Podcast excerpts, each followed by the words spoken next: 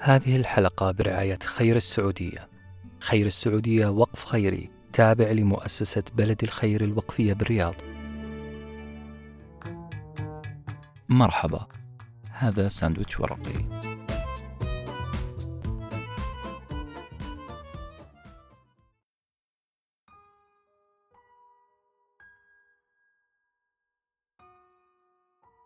القادة هم آخر من يأكل. كنت أقرأ كتاب Leaders Eat Last للمؤلف سايمون سينيك. وقتها بدأت أعمل فلاش باك استعادة الأحداث الماضي. حاولت أعرف كيف كنت أنظر لمفهوم القيادة. هذه الكلمة اللي اهتم بها الكتاب. كان تعريف القائد عندي مو بعيد عن فهم أي إنسان آخر. القائد هو شخص عنده كاريزما قوية يتكلم فيسكت الجميع أو يسكت الجميع. قادر على إعطاء الأوامر متجهم نوعا ما قوي جسديا ونفسيا. باختصار القائد هو شخص شخصيته قوية جدا يخافه الجميع. بصراحة ومن الآخر هو شخص شراني حبتين. لكن خلال قراءة كتاب Leaders Eat Last أو القادة هم آخر من يأكل تذكرت حادثة قديمة حصلت لي وأنا صغير. حادثة غريبة شوية مدتها ثلاث ساعات. كنت وقتها طفل كأي طفل فضولي جدا ملقوف متلهف أن أحصل على مكان في الجلسات العائلية. كنت أحاول أني أكون جزء من المجتمع. أن أجد مساحة لأكون. إلا أن سني الصغير وحجمي الصغير كانا يمنعاني من تحقيق هدفي. أتذكر جلسة سميتها جلسة الثلاث ساعات في أحد أعياد الفطر. قبل 33 سنة تقريبا في بيتنا. وقتها كان مجلسنا مليء بالضيوف. كنت حينها أراقب فقط الأحاديث المتطايرة بين رجال العائلة. إلا أن طريقة مراقبتي لهذا الحوار كانت مضحكة نوعا ما. كنت أركز فقط على حركات أيدي الحضور. نعم لم أكن أنظر في أعينهم بل أركز فقط على الإشارات اللي يعملوها بيدينهم. بصراحة أنا كنت أتقمص دور السيدة سين بطلة الرواية النمساوية الرواية اللي اسمها 24 ساعة في حياة امرأة. السيدة سين كانت تنظر فقط لأيدي لاعبي الورق. من هذه النظرات كانت تفهم شخصياتهم بحذافيرها وتحدد من يصلح لأن يكون قائدا ومن هو التابع. بدأت أول ساعات قصتي. امتلأت هذه الساعة الأولى بحوارات الضيوف. ولأني كنت أنظر فقط إلى أيديهم فقد كنت أرى أمواجا من الأيدي. بعضها يشي بالأمل وبعضها بالرجاء وأخرى بالسخط. شخص مثلا يهدد بيديه والثاني يضمها على بطنه في توتر وآخر يمسك يده على فخذه كأنه يمنع نفسه من الطيران. صدقوني أنا ما كنت أشاهد أيدي فقط. بل كان منظر أشبه بعالم البحار. أشكال وأنواع غريبة من الأسماك والكائنات. مثلا أصابع مشعرة أشبه بعنكبوت يحاول اصطياد معلومة خاطئة. أصابع أخرى طويلة الأظافر تريد أن تنغرس في جسد أي مخالف. أصابع ثانية نحيفة وطويلة تتحرك بشكل متموج كأنها أخطبوط غدار. وبعد ساعة كاملة من البحلقة في أيدي الناس. لمحت أخيرا يدين مختلفتين يدين أثارتا إعجابي وخوفي. يدين ثابتة ما تتحرك أبدا مهما سخن الحوار.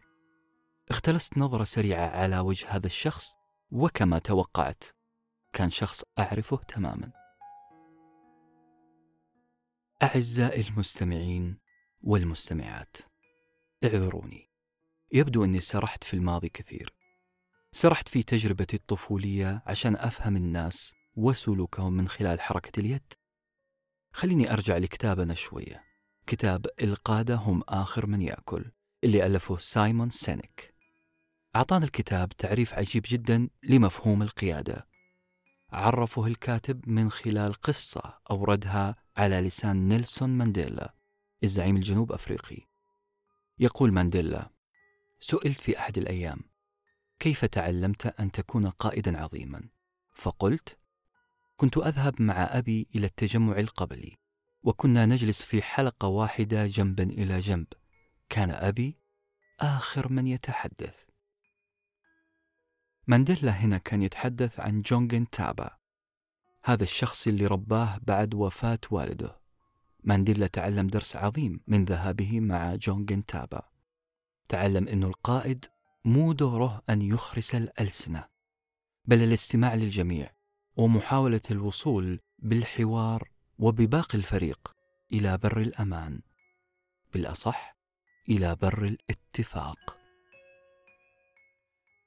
القيادة وبحسب تعبير الخبير في هذا الموضوع سايمون سينيك تصنع عندما يكون القائد سميع جيد. سميع هنا ما أقصد فيها أنه سميع للطرب الأصيل أبدا. بل أقصد فيها أنه جيد الإنصات لباقي أعضاء الفريق. أنه يكون آخر من يتحدث وأول من يسمع لآراء الفريق. مهارة أنك تحتفظ برأيك إلى أن يتحدث الجميع لها ميزتين قياديتين. الميزة الأولى أنت تعطي أعضاء الفريق إحساس بأنهم قد سمعوا وبشكل واضح إنهم وضحوا وجهة نظرهم وأبرزوا موقفهم بشكل كافي.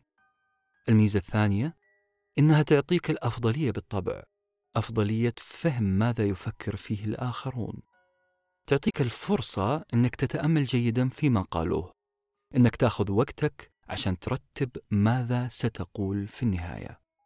هذه النقطتين يغفل عنها كل من يعتقد أنه قائد فينسى ويستهل كل جلسة بالكلام قبل أن يعطي نفسه فرصة للاستماع الجيد. القائد سميع جيد. القائد هو أول من يسمع وآخر من يتحدث. هو آخر من يأكل على سفرة الحوار. خلال الساعة الثانية من جلسة الثلاث ساعات بدأت أراقب اليدين الثابتتين اللي عجبتني في جلستنا العائلية في عيد الفطر. كان صاحب هذه اليدين الثابتتين هو آخر من تحدث. كان ينصت ويديه في مكانها. كنت ألمح جذعه يتنقل بأناقة بين المتحدثين. إيماءات جسده مع ثبات يديه تجعل الشخص اللي أمامه غاية في الارتياح. كان صاحب هاتين اليدين هو أخي الأكبر. هدوءه كان يترك للآخرين مساحة للهجوم أحيانا والسخط أو هذا اللي كنت أعتقده. أخي كان يترك مساحة للطرف الآخر بأن يكون. وركزوا معايا في كلمة يكون. لأنها هي مفتاح القيادة فعلا. أن يكون. حطوا خطين تحت هذه الكلمة. المؤلف إيكار تولي صاحب كتاب قوة الآن استخدمها استخدام عظيم جدا.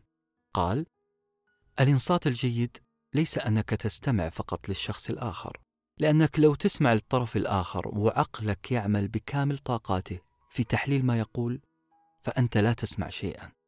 أنت تحلل ما يقول. أنت تسمع لترد عليه أنت تسمع لتفحمه. الإنصات الجيد هو أن تسمع لتسمح للطرف الآخر أن يكون. يعني أن تفرد له مساحة يعبر فيها عن وجهة نظره بأريحية تامة. في هذه المساحة يعبر الطرف الآخر مستخدما كل إمكانياته اللغوية والفكرية عن موقفه عن نفسه وكينونته. أنت كقائد ساعدته أن يكون. هذا بالضبط ما فعله أخي بأسلوبه وحركات يديه. أخي الكبير أتقن هذا الدور. كنت وبمجرد أن أرفع رأسي الصغير كي أخطف نظرة على تعابير وجهه أجد نظرة مباشرة وفي خط مستقيم يتجه إلى عيون المتحدث. إيماءات رأسه البطيئة كانت تقول شيء واضح جدا للآخر. كانت تقول أنا أسمعك جيدا. تشكلات حواجبه تخبر محدثه ب نعم أنا أفهمك وأتفاعل معك. هذا الهدوء جعلني أقول في نفسي أنه أخي واثق وصامت تماما لأنه يريد التواصل القوي مع الآخرين.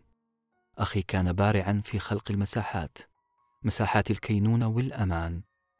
الساعة الثانية كانت ساعة ثانية عظيمة تعلمت فيها كثير عن هدوء القادة وقوة تواصلهم. يقول مؤلف كتاب Leaders Eat Last. القائد الحقيقي أبعد ما يكون عن الطمع والاستئثار بالنفس. فعلا. القائد هو شخص قلبه كبير صدره وسيع. يقود الجلسة والحوار والفريق نحو بر الأمان. لن تجد قائدا حقيقيا يستأثر بالكلام.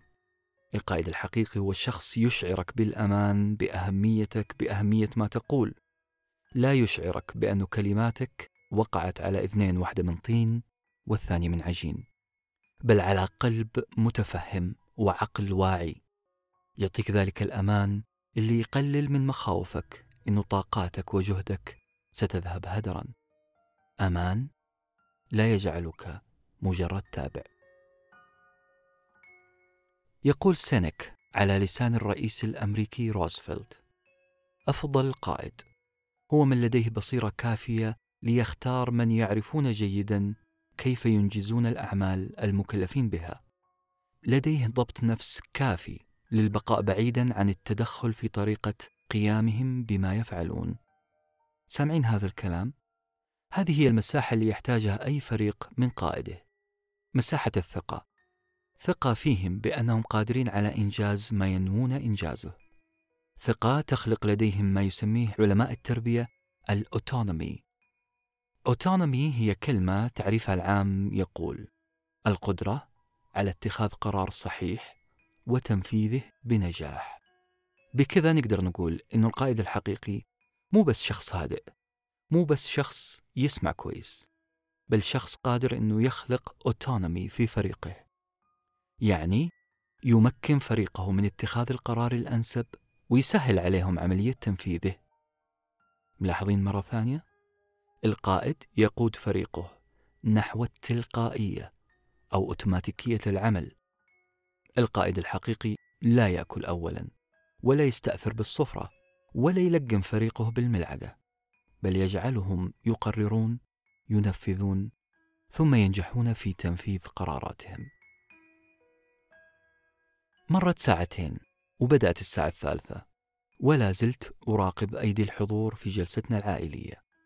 ولكن في لحظة لاحظت اليدين الثابتتين تتحرك. نعم أخيرا تحركت يدين أخوي الكبير لما بدأ يتكلم.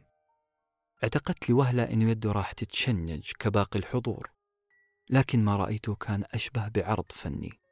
كان تقريبا قائد أوركسترا تتحرك يداه بتناغم. يتوافق مع محتوى كلامه. مثلا بدأ كلامه بسرد ثلاث نقاط كان يلخص فيها كلام الحضور. كان يشير برقم ثلاثة بيده اليسار ويؤشر بسبابة يده اليمين على كل إصبع من الأصابع الثلاثة. كان كأنه يثبت بثلاث مسامير كلامه في أذهان الحضور. الغريب فعلا أن الموظفين أو أقصد الحضور أذعنوا بكامل إرادتهم لما يقوله أخي وبطيب خاطر انتهت الثلاث ساعات من قصتي ولا زلت أتساءل لماذا هدأت أيدي الحضور؟ هل لأنه آخر واحد تحدث؟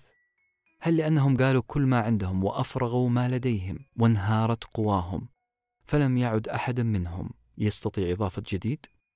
وهل ستكون نهايتي أنا اللي قاعد أراقب أيدي الحضور كنهاية السيدة سين في رواية 24 ساعة في حياة امرأة؟ كلها احتمالات. أعزائي المستمعين والمستمعات، خلونا من قصتي ذات الثلاث ساعات. خلونا ندخل للب موضوع القيادة. بصراحة مسألة القيادة أكبر من أي شيء تنظيري أكبر من قوة التواصل أو حسن الإنصات أو إعطاء مساحة للآخر بأن يكون المسألة مسألة قدوة شئنا أم أبينا القائد يجب أن يكون قدوة يجب أن يصادق قوله فعله. السلاح الأعظم اللي يمتلكه أي قائد حقيقي هو أن يصبغ كلامه بصدق أفعاله لأن القائد وبحسب رأي سينيك لن يكون قادرا على قيادة الفريق نحو أهداف العمل أو المؤسسة أو حتى العائلة الصغيرة. لن يستطيع أن يقودهم إذا كان في شك واحد في المية في تطابق قوله وفعله. فريق العمل جزء منك. نجاحه لا يتوقف على تعليمات وسياسات تلقيها بصرامة بل أن تكون أفعالك ملهمة محفزة على العمل. هذا واحد من أهم قوانين التعلم التعلم بالمحاكاة أن تكون أول من يعمل وآخر من يتحدث. أعزائي المستمعين والمستمعات نختصر الكلام بالقول. أن سايمون في كتابه Leaders Eat Last. دخلنا في أخمص عالم القيادة. شرح لنا بالتفصيل نفسية القائد الحقيقي وقال القيادة طريقة تفكير، طريقة عمل، طريقة تواصل. حلقات متصلة ومترابطة تشعرك أن فريق العمل الواحد أخوة. ويبقى الشعار الأمثل هو أن تلهم تنصت تعمل وآخر من يتحدث. وفي حفظ الله.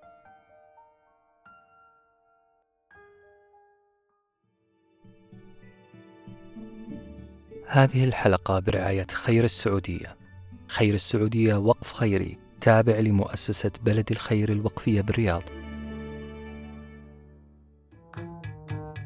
مرحبا هذا ساندويتش ورقي.